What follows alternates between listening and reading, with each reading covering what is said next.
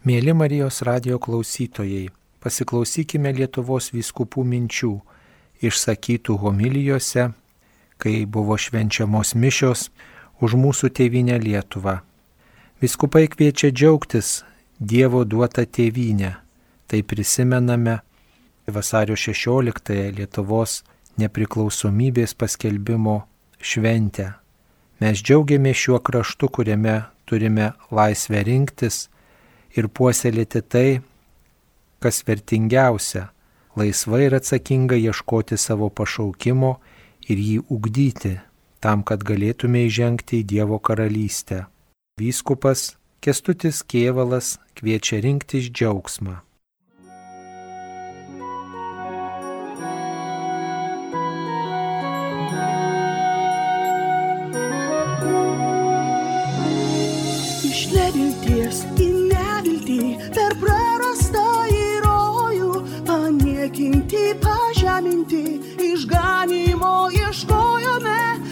Nuodėmės į nuodėmę, į ją supanašėjome ir kai visai pajudome, kai likom tik šešėlė jos, ko verkėm ir dėjojame, ko slapstomės pakampėmis, aušra įsidienojusi pabudome ir kelkime.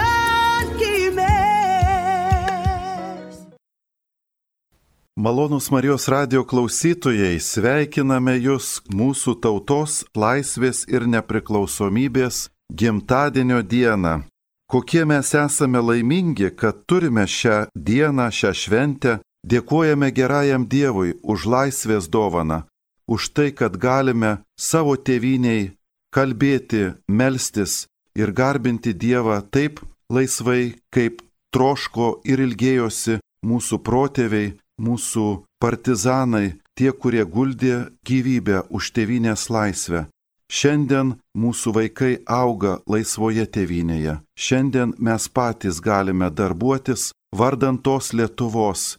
Brangus klausytojai, būkite vienybė žmonės, tieskite ranką į savo artimo pusę, kad mūsų tauta būtų kaip viena šeima, kaip ta, kurios gyvenimas pažymėtas meilės, ištikimybės, bendrystės ir sutarimo žyme, kad mūsų tauta būtų ne tik duotis, bet ir užduotis kiekvienam iš mūsų nešti degantį laisvės fakelą, kad jis toliau mūsų širdise liepsnojantis kurtų Lietuvos laisvės projektą, mūsų gyvenimui ir mūsų vaikams ir mūsų tėviniai, kuriai šiandien linkime ilgiausių metų ilgiausių.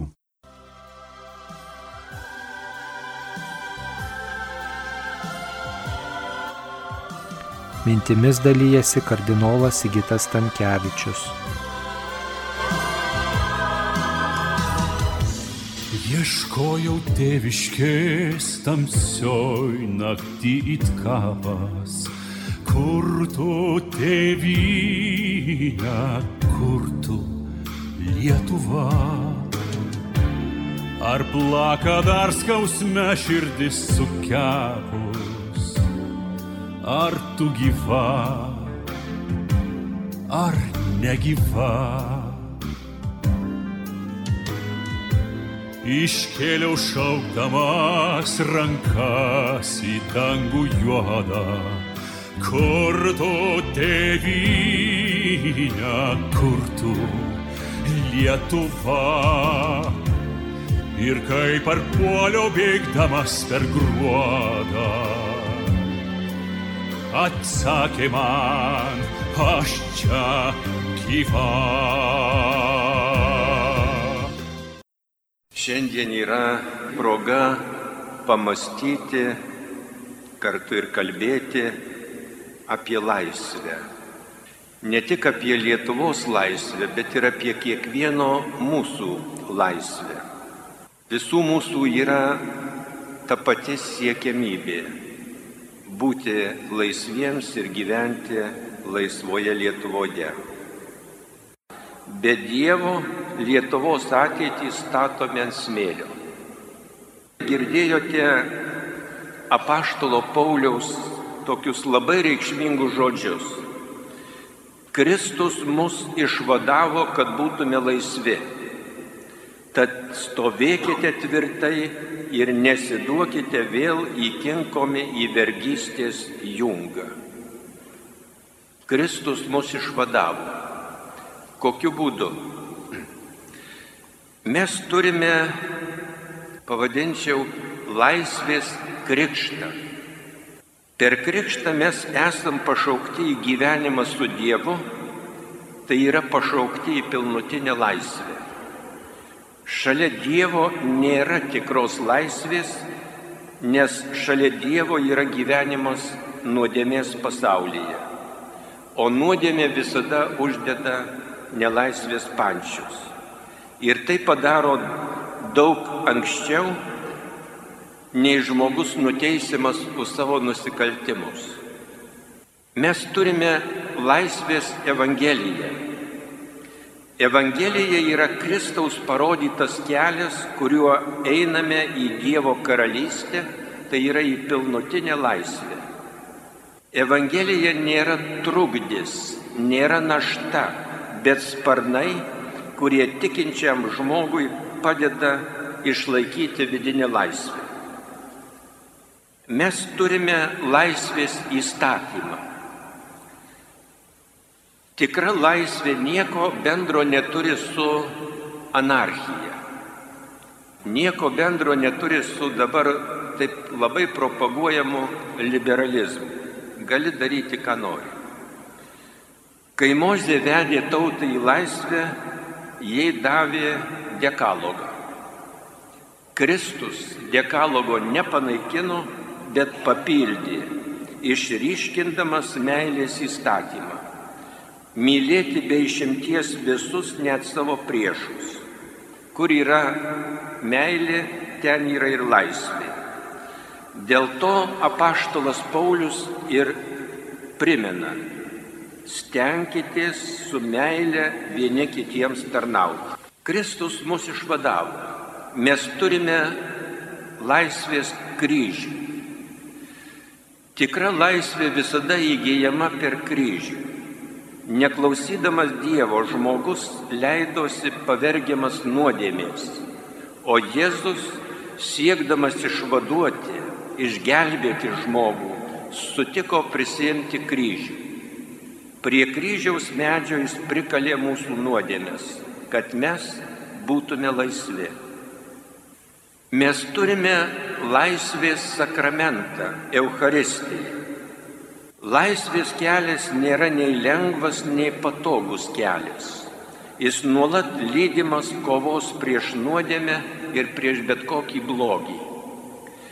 Šioje kovoje žmogus vien savo jėgomis būtų nepajėgus laimėti pergalę. Tai žinodamas Jėzus liko su mumis iki pasaulio pabaigos švenčiausiam sakramente - Eucharistijoje. Pagaliau mes turime mūsų laisvę globojančią motiną Mariją. Per Mariją Jėzus atėjo į žemę ir tapo mūsų broliu. Jėzus savo motinai Marijai pavedė globoti mus kaip savo sūnus ir dukteris. Nuo kryžiaus jis pasakė, štai tavo sūnus, štai tavo motina.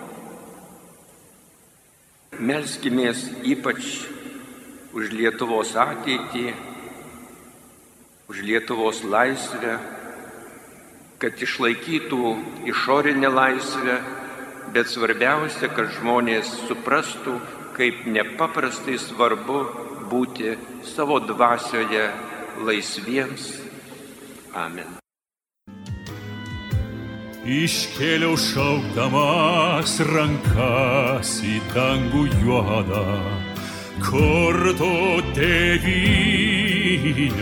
kur tu Lietuva. Ir kaip ar puolio bėgdamas per gruodą atsakė man, aš čia gyva. Atpažinti savo pašaukimą ir jį įgyvendinti kviečia vyskupas Algirdas Jurevičius. Mėly Marijos radio klausytojai, norime pasvarstyti apie pašaukimą į gyvenimą, apie pašaukimą tarnauti kitiems žmonėms. Katalikų bažnyčios katekizmas kalba apie esminį pašaukimą. Dievas kiekvieną būti pašaukė iš nebūties į buvimą. Tai esminis pašaukimas. Būk, tapk, gyvenk. Toliau katekizmas tęsė. Net per savo nuodėmę praradęs panašumą į Dievą, žmogus lieka savo kurėjo paveikslas. Jis tebe trokšta į buvimą jį pašaukusio Dievo. Visos religijos liudyja, kad Dievo ieškoti yra žmogui esminis dalykas. Brangieji, šita katekizmo citata kalba mums apie esminį pašaukimą - iš nebūties į buvimą. Šis pašaukimas būdingas ne tik žmonėms, bet ir gyviams, gamtai, o taip pat ir daiktams. Juk Dievas viską sukūrė iš nieko. Tai reiškia pašaukė iš nebūties į būti. Bet žmogus užima išskirtinę tame vietą, nes jis tebe trokšta į buvimą jį pašaukusio Dievo. Žmogui juk negana jo paties. Žmogus trokšta Dievo. O kaip katekizmas sako, Dievo ieškoti yra žmogui esminis dalykas. Koks dažniausiai būna giliausias žmogaus troškimas? Tai būti laimingu būti priimtų, suprastų, išgirstų, galėti įprasminti savo gyvenimą. Ir tai, ko labiausiai žmogus trokšta, dažniausiai ir yra Dievo valia jam. Laimingiausias žmogus bus tuo met, kai bus radęs Dievą. Žvelgdami į Bibliją mes girdime apie Abromo pašaukimą apie pranašų, o taip pat ir apie išrinktosios tautos pašaukimą. Kokiam tikslui Dievas šaukia žmonės? Štai Abromą pašaukė, kad iš jo kildintų didžiulę tautą, per kurią apreikštų savo užmojį istorijoje, išgelbėti visą žmoniją. Matome, jog Dievas žmogų pašaukė tuo met, kai nori padaryti savo bendradarbiu pasaulyje ir kokiai nors misijai atlikti. O tai reiškia, kad pašaukimas duodama žmogui ne dėl jo paties, bet dėl kitų. Žmonės būna patys save įsimylėję, patys savimi rūpinasi. Jie yra, atrodo, pasaulio centras. Jų ego yra svarbiausia tai nieko kita, kaip tik tai egoizmas. Tokie žmonės niekad nebus laimingi, nes žmogui nepakanka savęs paties, reikia kito, reikia santykio, reikia to, kuris yra kitas aš, kuris yra kuriejas. Ir dalis tokių žmonių, jie niekad neišeina į kelią, kuris veda pirmin. O mes žinome, kad Kristus yra kelias, tiesa ir gyvenimas. Taigi, išgirsti Dievo pašaukimą, tai reiškia išeiti į platų kelią, kuris yra Kristus. Ir pavesti jam, kad jis vestų ten, kur yra jo valia. Baigdamas šios pamastymus, noriu jūs pakviesti melstis bendrą maldą, ieškant teisingo pašaukimo gyvenime. Jei tokį atrasime, būsime laimingi. O dabar melskimės. Dieve, kuris iš savo beribės meilės padovanojai man gyvenimą, tu trokšti, kad būčiau laimingas. Pasakyk man, ką aš turiu daryti, kokį kelią turiu pasirinkti. Suteik man drąsos nebijoti plačiai atverti tau duris. Paimk mane už rankos, vesk mane, būk mano kelias ir šviesa. Amen. Sugrįžtame čia buveliais, pražuveliais, namų neatpažįstame. Lietuviai, nelietuviai mes per skaistiklas, per pragarus, iš nežinios į nežinę. Mes pagaliau atradome, kad Lietuva tai sąžinė. Panevežio vyskupas Linas Vodopjanovas primena, į kokią karalystę esam pašaukti šiame pasaulyje.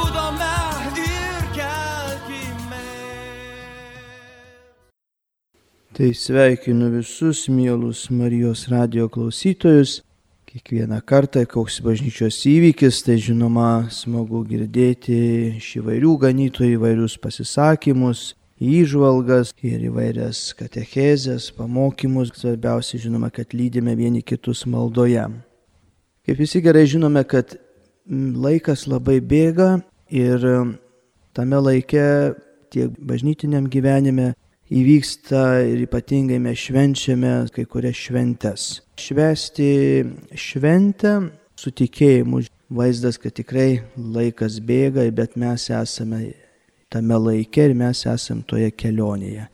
Šiandien, kaip kalbame apie karalių, šiandien tų karalių labai labai mažai. Valstybės, kai kurios turi karalienės, Anglijos karalienė, ten galbūt yra Ispanijos karalius, ten Danijos kiti dar kažkokie, bet žinoma, jie truputėlį tas pats karališkumas jau blanksta, truputėlį nueinama jau į šoną. Evangelija kalba apie pačią skausmingiausią Jėzaus akimirką, tai kada Jėzus yra pakeltas prie kryžiaus, jis sako, štai jūsų karalius. Tai tokia vat mintis iš Evangelijos, koksgi mūsų yra karalius. Taigi yra tas karališkumas yra ir didingas, ir nuostabus dėl to, kad jis yra pilnas begalinės meilės mums visiems. Jo karališkumas atsispindi tai, kad mes esame pakviesti tiesiog dalyvauti jo karalystėje. Mes maldoje tėvė mūsų dažnai sakom, te teinė tavo karalystė. Taigi esame pakviesti dalyvauti Jėzaus karalystėje. Čia žemėje mes jau pradedame išgyventi tuos momentus, kad toje karalystėje mes turime pirmiausia žiūrėti į savo mokytoją, į savo viešpatį, kuris yra pavyzdys mums, bet jis turi būti ne tik tai tapti pavyzdžių, kurį tik tai galėtų pažiūrėję ir toliau gyventume savo gyvenime, bet kad pažiūrėję, matydami, klausydami jo savo gyvenimu tikrai su juo gyventumėm Ir tas karaliavimas tada taps galutinis mūsų tai tenais amžinybėje. Norėtųsi visus pakviesti, nebijoti dalyvauti Jėzaus karalystėje. Kad būtumėm jo nariais, būtumėm jo bendrabičiuliais, bendražygiais. Nes Jėzus sako, aš patrauksiu visus prie savęs. Čia karalystės pilnatės išpildymas. Čia atsiskleidžia tas slėpinys, kad Jėzus neatstumė nuo savo karalystės nei vieno, bet, bet kviečia kiekvieną ateiti ir būti jo. Viskas priklauso Kristui, viskas jam padėta tiesiog, viskas jam priskiriama. Šiandieną kasgi yra centre, kas mano gyvenimo centras, kasgi yra tas mano karalius, mano viešpats, tai tikrai kviečiu, mėly broliai seserys, niekada nenukreipti žvilgsnio į kitus karaliukus, ieškoti kitų galbūt laikinų labai mažų dalykų, kurie galbūt karaliukai gal ir patenkintų mano norus.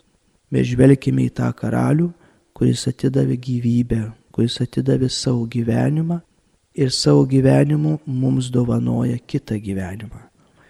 Kviečiu nuoširdžiai, dalyvaukime visi, kur galėsime dalyvaukime šventėje ir teikime jam dėkingumą, pagarbą ir šlovę. Garbė Jėzui Kristui.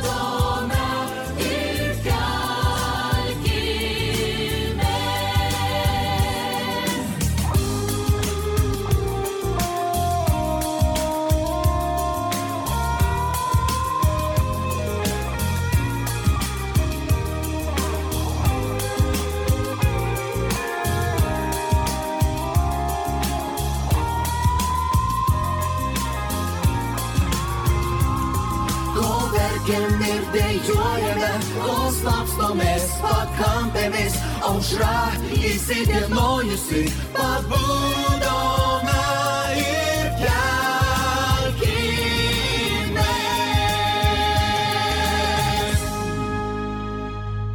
Taigi pabudome ir kelkimės. Iš Šiaulių vyskupo Eugenijaus Bartulio dabar išgirsime, kodėl turime melstis už taiką ir už pasaulio atsivertimą. Kas yra tas atsivertimo kelias? Kaip atrasti viltį? Garbėzu Kristai, labai miela vėl pasidalinti su jumis Marijos radio klausytojai. Iš tiesų, pasaulis, galima sakyti, kraujuoja, nes pasaulis tam tikrą prasme šiandien serga. Serga tokioj baisioj, stichiškoj, sakyčiau, nusiteikimo formoj, kadangi labai daug kraštų, kuriuose vyksta karai, nesantaikos. Ir matome tuos įvykius, kurie šiandien vyksta ir kiti visi tie įvykiai rodo, kad žmonių širdis tiesiog nutolo nuo meilės ir teisingumo Dievo, nuo taikos karalienės, dangiškosios motinos Marijos. Ir dėl to šiandieną ypatingai reikia melstis už taiką pasaulyje, nes žmonės tokie vadovai, kurie taip vienas kitą, kai sako, piktais žodžiais pavadina ir įskaudina ir valstybės matome, to neramumo stadijoje yra šiandieną ir Lietuvoje žmonės yra labai įsitempę ir galvoja, kas bus ateityje. Tai mes, kaip tik maldoje, pavedame visus tuos rūpeščius dangiškai motinai Marijai, taikos karalieniai, kuri mato žmonijos tokius nelaimingus visokius įvykius ir žmonių tą tokį netaikų gyvenimą, bet pilną kartais keršto, pilną grasinimų gyvenimą. O dangiškoji motina Marija kviečia mus į meilės kelią, į gerumo, į nuoširdumo. Ir jeigu pasaulis iš tiesų išgirs dangiškosios motinos Marijos kvietimą, aš manau, kad tikrai mūsų širdis tik tai pradžiugs. Ir jeigu mūsų gilus tikėjimas dar labiau sutvirtės, tai visiems bus geriau ir gyvenimas bus mielas ir džiugus, nes viešpas ateina į pasaulį dėl to, kad mes turėtume gyvenimo ir jo apšiai turėtume. Dar daugiau jis ateina, kad mūsų gyvenimas būtų pilnas džiaugsmo ir mūsų džiaugsmai nieko netruktų. Atsiversti mes turime kiekvienas. Tai yra būtinybė. Ir atsiversti tai nereiškia, kad pat šiandien aš atlikau gerą išpažinti ir jau tapau šventuoju, nes gyvenimas yra kova. Kova tarp blogio ir gėrio. Ir kiekvieną dieną mes turime vis naujai ir naujai atgimti. Naujai, naujai pažvelgti į viešpaties mums rodomą kelią ir juo eiti. O tas ėjimas nėra lengvas. Todėl kiekvieną dieną mums pasitaiko įvairiausių kliučių, įvairiausių netikėtumų. Todėl mūsų pastovus nusiteikimas yra kasdien atsinaujinti. Atsiversti reiškia kasdien atsinaujinti, atnaujinti savo nusiteikimą mylėti viešpati visą širdim ir mylėti kiekvieną sutiktą žmogų, tai yra artima kaip save patį. Ir gyventi atlaidumo dvasioje, pamiršti visas kerštą, apgaulę, melą, neteisingumą ir eiti tuo tikruoju keliu. Štai tikrasis atsivertimas. Tai yra didelė užduotis Tai dideli namų darbai, kuriuos mes turime atlikti kiekvieną dieną vis iš naujo ir iš naujo, žvelgdami į viešpatės veidą ir trokšdami sekti jį taip, kaip sekė dangiškoji motina Marija, kasdien ištardama taip jo valiai. Dangiškoji motina ir yra gerosios vilties motina, o dar gražiau apie dangiškąją motiną Mariją yra išsireiškęs mūsų amžinos atminties kardinolas Vincentas Latkevičius, jisai sakė, Marija yra negalimų dalykų motina. Tada, kada pasaulyje mes matome tiek daug skaudžių dalykų, mes kreipiamės į dangiškąją motiną Mariją su nepaprastu pasitikėjimu, nes ji jau tiek dalykų yra pakeitusi tą prasme, kad per maldą, per pasitikėjimą dangiškąją motiną jau mes matome ir Jėzaus gyvenime, Galilėjos kanos vestuvėse, matome, koks Marijos rūpestis. Ir Marija pasakė labai aiškiai, darykite, ką jis jums lieps. Reiškia, mūsų viltis yra Jėzuje Kristuje. Ir jeigu mes darysime tai, ką liepia Jėzus, mes esame išgelbėti. Nes mes einame teisingiausiu keliu. kurį nurodo dangiškoji motina Marija. Darykite, ką jis jums lieps. Šituose žodžiuose ir yra mūsų visa viltis. Jeigu mes einame tikruoju meilės keliu, mes einame džiaugsmo keliu, mes einame ištikimybės keliu, mes einam Dievo valios vykdymo keliu. Nes vykdyti Dievo valią ir yra mūsų visų pareiga. Ir viešpas nekartą jau sakęs, ne tas, kuris man sako viešpatė viešpatė, bet tas, kuris vykdo mano dangiškojo tėvo valią, tas įeis į dangaus karalystę. Reiškia, čia ir yra viltis, kada mes einame teisingumo keliu ir vykdome tai, ko nori Dievas iš mūsų.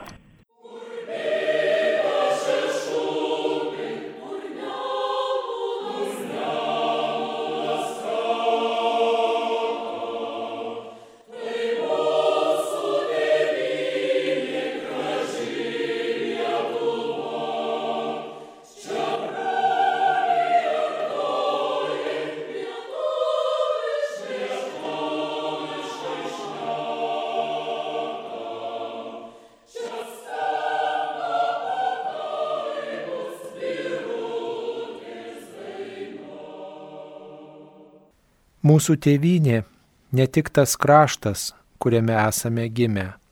Ši žemė mums patikėta vieta, kurią esame kviečiami išsaugoti ateities kartoms. Tai ir Dievo dovana mums visiems, kad atpažintume mums skirtą viešpaties pašaukimą. Žemė tai vieta, kurioje pats Dievas prieėmė žmogišką prigimtį. Popiežius Pranciškus nekarta kvietė atkreipti dėmesį į žmonijos elgesį gamtoje tam buvo skirta popiežiaus enciklika Leudato Si. Ekologijos tema, namų motyvas, rūpesti žemė, visuomenė ir tarnystė tęsiasi ir popiežiaus pranciškaus apaštališkajame posinodinėme paraginime Kerida Amazonija, mylimoji Amazonija. Šiuo dokumentu popiežius pranciškus apibendrino 2019 m. spalio 6-27 dienomis Romoje vykusio Amazonijos regiono iššūkius svarščiusio sinodo darbus. Minėtas dokumentas skirtas ne tik Amazonijos regiono žmonėms, bet visai bažnyčiai ir visiems geros valios žmonėms, kuriems rūpi žmonijos solidarumas. Popiežiaus dokumentą Mylimoji Amazonija 2020 m. vasario 12 d. Lietuvos viskupų konferencijos posėdžių salėje pristatė Lietuvos viskupų konferencijos pirmininkas arkivyskupas Gintaras Grušas. Pasiklausykime ganytojo įžvalgų.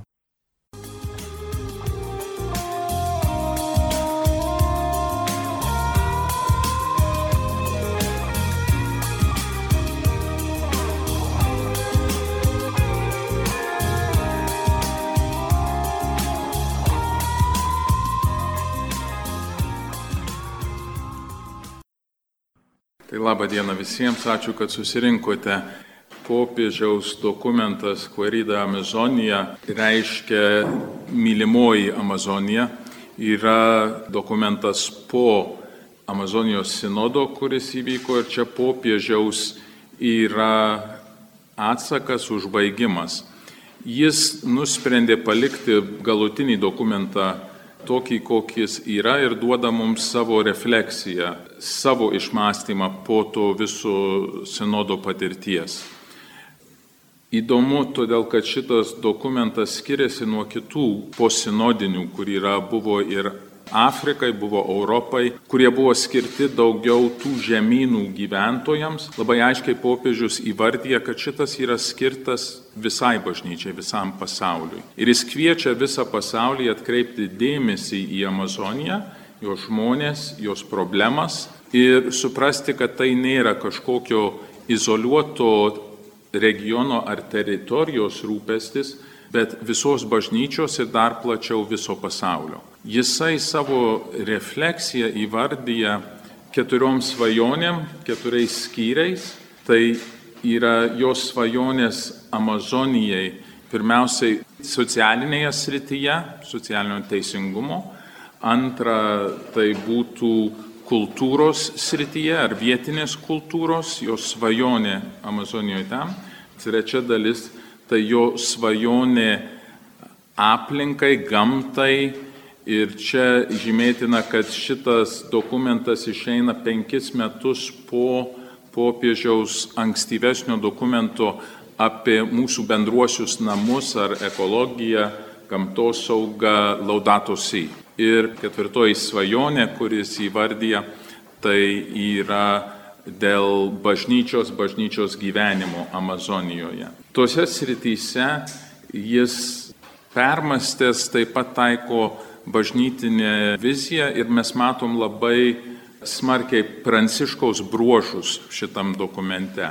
Jis jau nuo pat pradžios rūpinasi žmonių gerovę, jų socialinė padėtim, užtikrint, kad nebūtų nuskriaustųjų ir tam regione yra daug pavyzdžių, kur žmonės gyvena neturte, kur institucijos, kraštai, įmonės naudoja tuos natūraliuosius resursus toj teritorijoje ir kenkia ne tik gamtai, bet ir vietiniams gyventojams.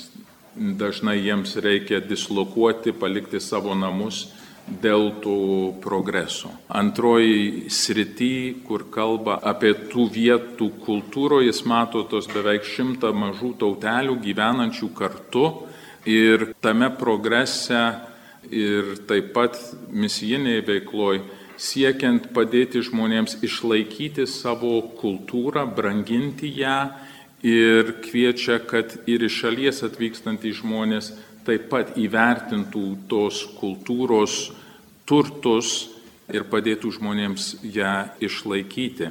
Čia aš matau ir skaitant man iš karto iššoko panašumai to, ką popiežius Pranciškus kalbėjo mums atvažiavęs į Lietuvą ir ką jis rašo šitam dokumente.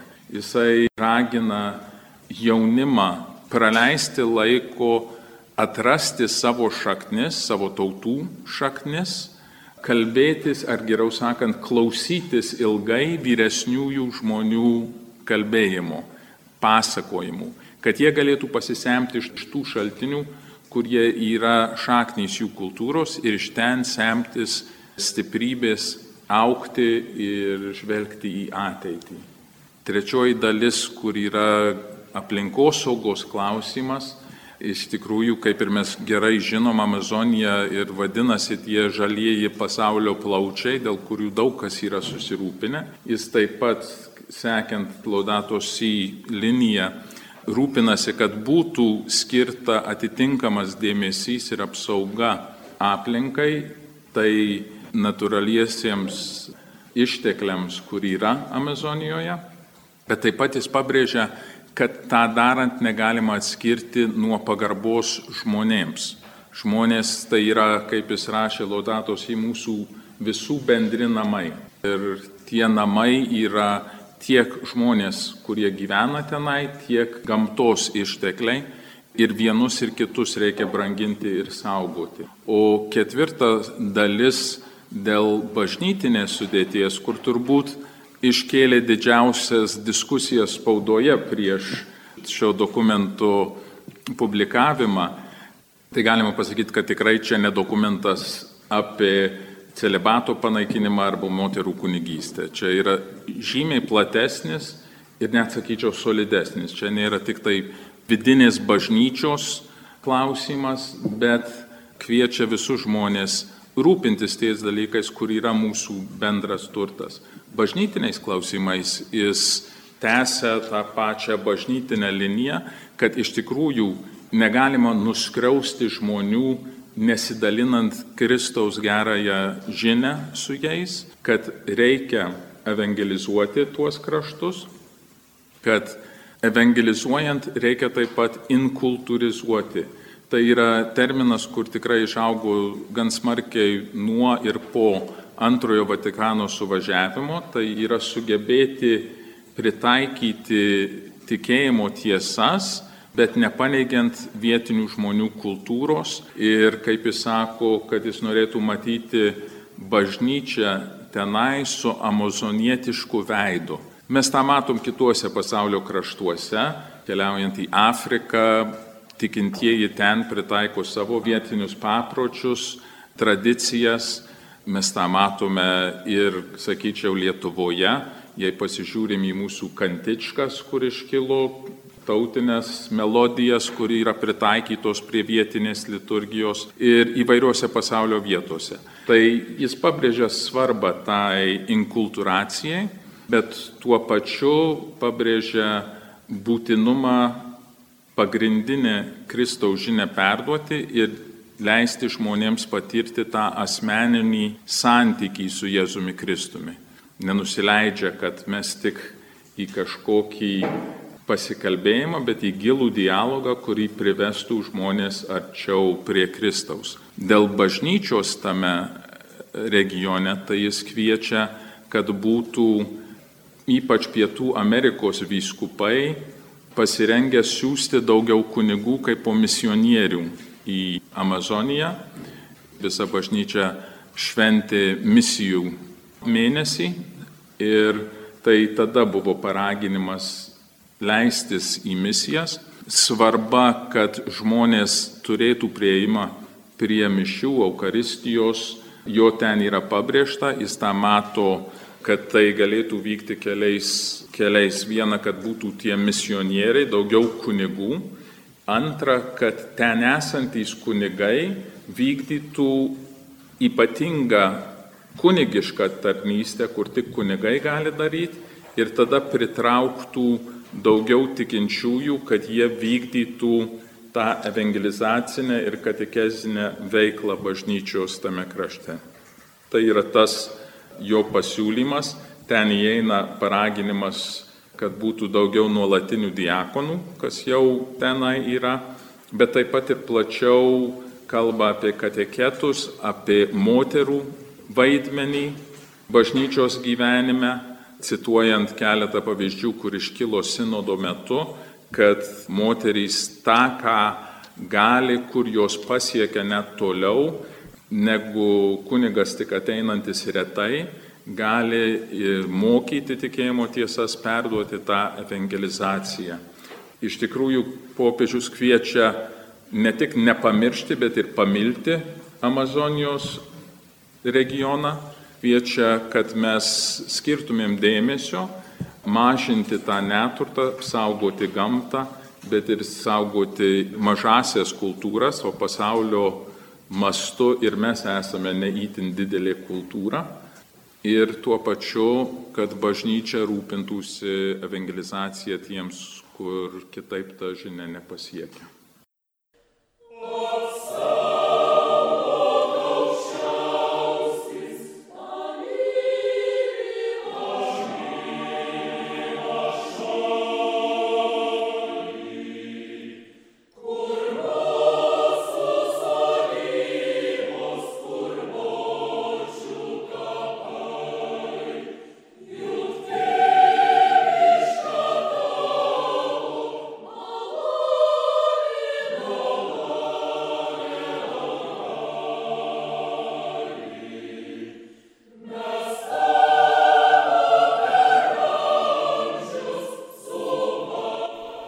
Keltis nuo sofos tai kvietimas rūpintis ne tik savimi, ne tik savaisiais, bet atsigręžti ir į kitus žmonės, padėti kitiems.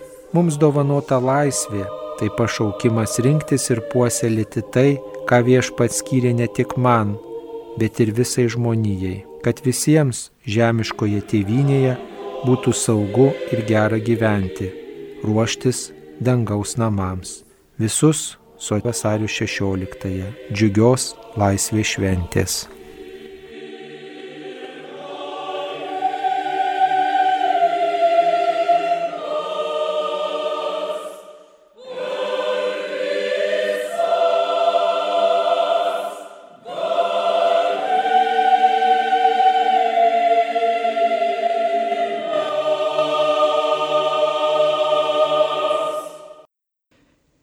Girdėjome Lietuvos viskupų mintis išsakytas vasario 16-osios Lietuvos valstybės atkūrimo dienos proga.